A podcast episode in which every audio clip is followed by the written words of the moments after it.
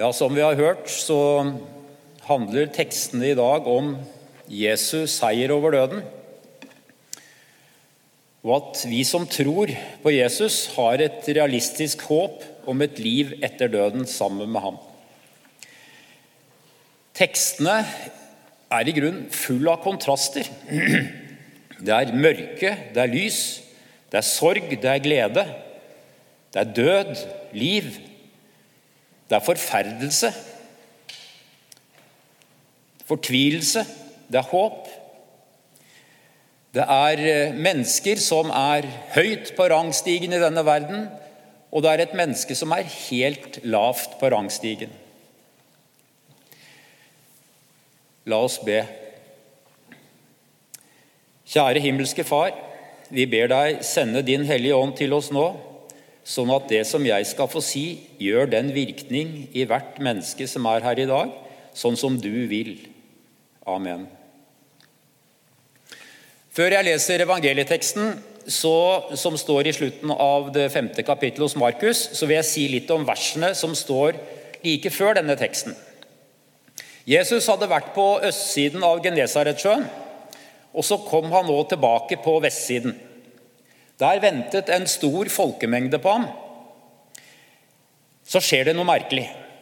En av de mest anerkjente menn i byen, en skikkelig kjendis, selve synagogeforstanderen Jairus, antagelig en ganske selvhøytidelig mann som de fleste bøyde seg for, han gjør noe helt spesielt. Han kaster seg ned for føttene til Jesus. Og Hva var det så som gjorde at selveste Jairus tilsynelatende glemte all sin stolthet og ydmyket seg på denne måten? Jo, han var i en skikkelig dyp krise. Han følte seg helt hjelpeløs. For hans tolvårige datter var i ferd med å dø. Og han så på Jesus som den eneste mulige redningen. Og Da fikk folk flest mene hva de ville om oppførselen hans, tenkte nok den mektige Jairus. Og Jesus, han hørte på Jairus, og så gikk han med ham mot hjemmet hans, der datteren lå og kjempet ved døden. Og Den store folkemengden de valgte å følge med dem, antagelig for å se hva som nå ville skje. Og Det er lett å forestille seg at Jairus hadde det veldig travelt med å dytte på folk, sånn at Jesus skulle komme raskt fram. Men så skjer det at en ynkelig, stakkars kvinne trenger seg fram til Jesus bakfra og rører ved kappen hans. Hun hadde hatt blødninger hele tolv år, like lenge som den dødssyke datteren til Jairus hadde levd. Og Kvinnen hun var nok på den helt motsatte siden av rangstigen enn Jairus. Hun ble ansett som uren, og dermed kunne hun ikke ha kontakt med noen. Og Hun hadde brukt opp alt det hun hadde på leger som ikke kunne hjelpe henne. Men hun var blitt overbevist om at bare én kunne hjelpe henne, og det var Jesus. Bare en kontakt med Jesus ville gjøre henne frisk, hadde hun tenkt.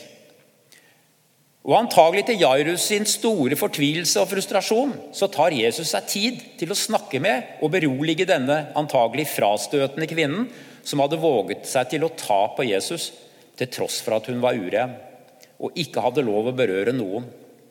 Så står det Din tro har frelst deg, datter. Gå bort i fred. Du skal være frisk og kvitt plagen din. Så kommer vi til dagens evangelietekst, som altså står hos Markus i det femte kapitlet, fra det 35. til det 43. verset. Og vi leser i Jesu navn. Mens han, altså Jesus, ennå talte, kom det folk fra synagogeforstanderens hus og sa:" Din datter er død. Hvorfor bryr du mesteren lenger? Jesus hørte det som ble sagt, og sa til synagogeforstanderen.: Frykt ikke, bare tro. Nå lot han ingen andre følge med enn Peter, Jakob og Johannes, Jakobs bror. Da de kom til synagogeforstanderens hus, og han så alt oppstyret og folk som gråt og jamret seg, gikk han inn og sa til dem.: Hvorfor støyer og gråter dere? barnet er ikke dødt, hun sover. De bare lo av ham. Men han drev alle ut og tok med seg barnets far og mor og dem som var med ham, og gikk inn der barnet lå. Så tok han barnet i hånden og sa, Talita kumi. Det betyr, lille jente, jeg sier deg, stå opp. Straks reiste jenta seg og gikk omkring. Hun var tolv år gammel. Og de ble helt ute av seg av undring. Men han påla dem strengt at ingen måtte få vite dette. Og han sa at de skulle gi henne noe å spise. Slik lyder Herrens ord. Mens Jesus opplever at ja, mens Jairus unnskyld, opplever at Jesus snakker med den stakkars urene og utstøtte kvinnen, i stedet for å skynde seg til hans dødssyke datter, så kommer en av tjenerne hans og forteller at datteren er død. Og For å understreke at nå er alt håp ute, sier disse bebreidende til Jairus, hvorfor bryr du mesteren lenger? Jairus har hatt en tro på at Jesus kunne gjøre den dødssyke jenta hans frisk. Men så kommer det noen av hans nærmeste og nærmest fratar ham den lille troen han kanskje hadde igjen. Det nytter ikke. Du kan bare gi opp. Sånne tanker får vel vi også, og kanskje også lignende kommentarer fra våre omgivelser. Kanskje når vi har bedt til Gud, kanskje år ut og år inn, og så merker vi ikke noen bønnehørelse. I tidligere tider så snakker man ofte om at troen på denne måten ble prøvet, eller testet, som vi kanskje ville si nå. Ikke for at skulle, Jesus skulle se om den holdt, men for at troen skulle bli sterkere. Men Jesus overlater ikke troen til Jairus på en måte. Men hva gjør han? Jesus hører hva tjenerne til Jairus sier, og Jesus ser at Jairus blir veldig redd. Så Jesus kommer Jairus i møte nærmest før han får tid til å innse at alt håp er ute, eller før Jairus helt mistet troen på at Jesus kan hjelpe. Slik er heldigvis Jesus. Han møter oss der vi er. Han kommer til oss i vår svakhet. For Jesus sier vennlig, 'Frykt ikke, bare tro'. Bare tro? Dette kan høres litt overraskende ut. Mener Jesus at Jairus, og du og jeg også, skal mobilisere en sterk tro, hva nå enn det måtte være? Jeg leste om en sjelesørger som hadde fått besøk av en dame som beklaget seg over at hun ikke kan, kan tro. Hun kunne ikke tro. Kan du ikke tro? sa sjelesørgeren. Hvem kan du ikke tro? Hvem kan du ikke tro? Og Da fikk sjelesørgeren damens tanke inn på hva tro egentlig handler om. Det er ikke et eller annet tankegods eller sinnsstemning i oss selv som er det vesentlige i troen, men det er hvem troen retter seg mot. Det å tro er helt og fast å stole på Jesus, at han har all makt, og at han holder sine løfter. Jairus innså nok at han ikke kunne gjøre noe som helst for å redde datteren sin. Da er det Jesus sier, 'Ikke vær redd. Stol på at jeg ordner opp.' Det gjorde Jairus. Det er det som er å tro. Jesus ønsket ikke noe sensasjon rundt det som nå skulle skje. Han tok bare med seg de tre som kanskje var hans nærmeste apostler, nemlig Peter, Jakob og Johannes, i tillegg til pikens far og mor. Det at de tre apostlene var med, det bringer tanken inn på Moselovens krav om at en sak den var sikkert bevist hvis det var to eller tre vitner. Så Jesus ville ha med seg vitner for denne hendelsen, men ingen sensasjon.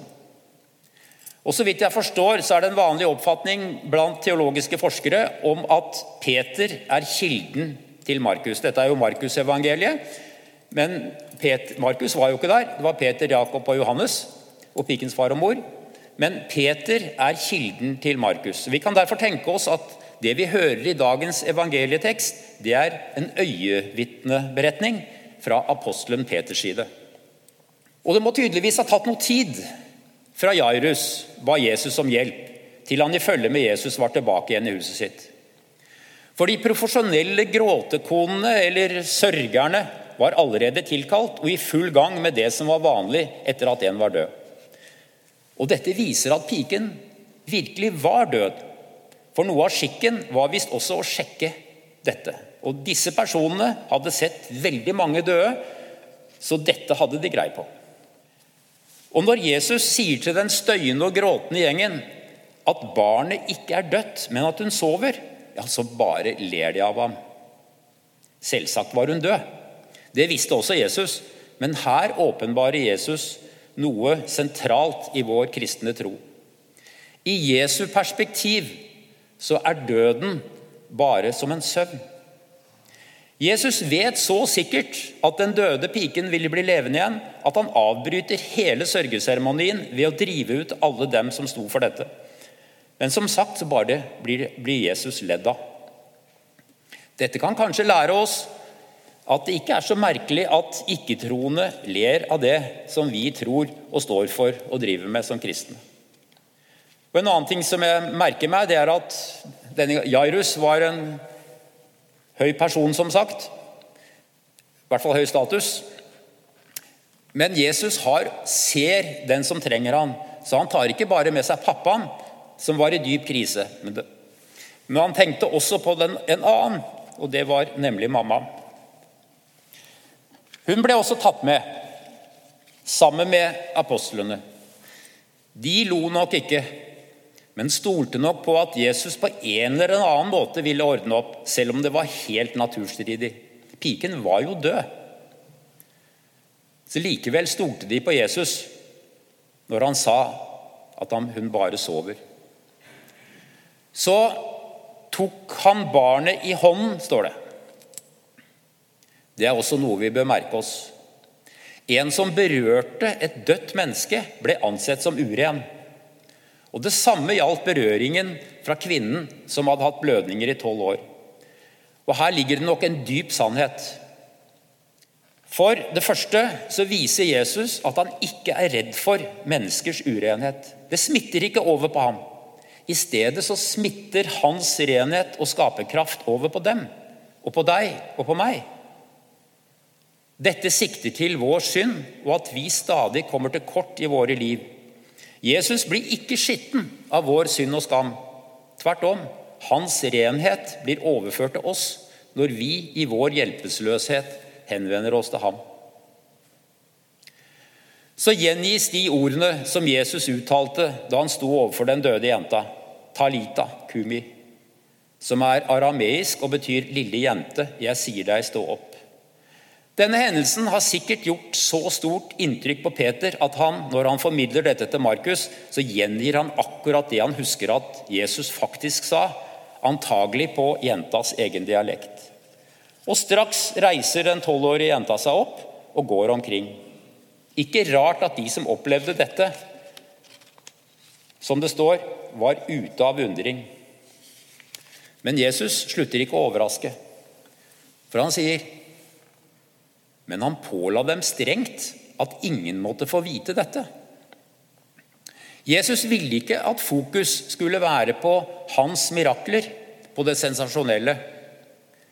Men han ville at miraklene skulle tjene til at alle mennesker skulle innse at Jesus virkelig var og er den lovede Messias. En som har rettet opp alt det som ble ødelagt i syndefallet. Blant dette er sykdom og død. Jesus visste jo at denne hendelsen uansett ville bli kjent. Folk så jo den tolvårige jenta lys levende blant seg. Foreldrene klarte nok heller ikke å skjule sin glede. Når man klarte å se Jesu forkynnelse og gjerninger i sammenheng, så burde man forstå at Jesus virkelig var Messias, en som til og med har seiret over døden. Men så så altfor godt vet, så har ikke Jesus fjernet sykdom og død. Ikke ennå. Men han vil at vi som tror på ham, skal få et nytt syn på sykdom og død. Et syn som en ikke-troende aldri kan få. Dette synet er som nevnt at døden er som en søvn for en troende, og at sykdom er noe vi skal bli kvitt når Jesus vekker oss opp igjen fra de døde. Dette kan gjøre det noe lettere for en Jesus-troende når man er midt i sorg, redsel og fortvilelse pga. sykdom og død. Jeg leste om en eh, engelsk prest og forfatter som heter George Campbell Morgan. Han har dette vitnesbyrdet om denne teksten i Markusevangeliet. Bare lese litt av det. Hver gang, sier han Morgan, hver gang jeg snakker om denne teksten, så blir jeg personlig og tankefull. Jeg tenker på en gang for 40 år siden, da min første datter lå for døden og til slutt døde. Jeg ropte da til Gud, og så fikk våre knuste hjerter dette svaret frykt ikke, bare tro. Gud sa ikke hun skal bli frisk. Hun ble da heller ikke helbredet på det jordiske planet. Hun gikk bort til livet bortenfor det jordiske. Men til vår datter sa Gud, Talita kumi. Det vil si, lille jente, stå opp. I vår elskede datters tilfelle betydde det ikke 'hold deg på det jordiske nivå'. Derimot fikk vi tro at dette betydde at Gud trengte henne, og at han reiste henne opp for å være sammen med seg. Mens jeg har savnet henne hver eneste dag siden, så har hun vært sammen med Jesus i alle disse årene. Hans ord, bare tro, har vært min styrke hele tiden. Så langt denne pastor Morgan. Vi må også ta fram den siste setningen i teksten. Og han, altså Jesus, sa at de skulle gi henne noe å spise. Jesus virker så hverdagslig, så jordnær på en måte. Denne unge jenta hadde fått tilbake livet, vel å merke for en stund. Hun fikk sikkert sykdom som de fleste andre, og så døde hun igjen. Men jeg synes denne setningen viser så tydelig at Jesus også har omsorg for det vi trenger for å leve, i dette tilfellet mat. Jesus ser alle våre behov. Det er han, og bare han, vi kan overlate oss til, både mens vi lever nå, gjennom døden og i det livet som kommer etterpå. Jeg har lyst til å avslutte med å lese noen bønnevers fra en kjent påskesalme som jeg fant ut var 333 år nå. Den er av Thomas Kingo, og som jeg mener er like aktuell i dag, selv om språket er gammeldags og ganske frodig. Det er fra påskesalmen eh, 'Som den gylne sol frembyter'. Jeg leser andre, fjerde og syvende vers eller ber andre og fjerde og syvende vers. Takk, du store seierherre. Takk, du livets himmelhelt. Som ei døden kunne sperre i det helvedmørke telt. Takk fordi at du oppsto og fikk døden under fot. Ingen tunge kan den glede med tilbørlig lovsang kvede. Ligger jeg i syndens veie? Ligger jeg i armod ned? Ligger jeg på sykdomsleie? Ligger jeg i usselhet? Ligger jeg fortrengt, forhatt og av verden helt forlatt?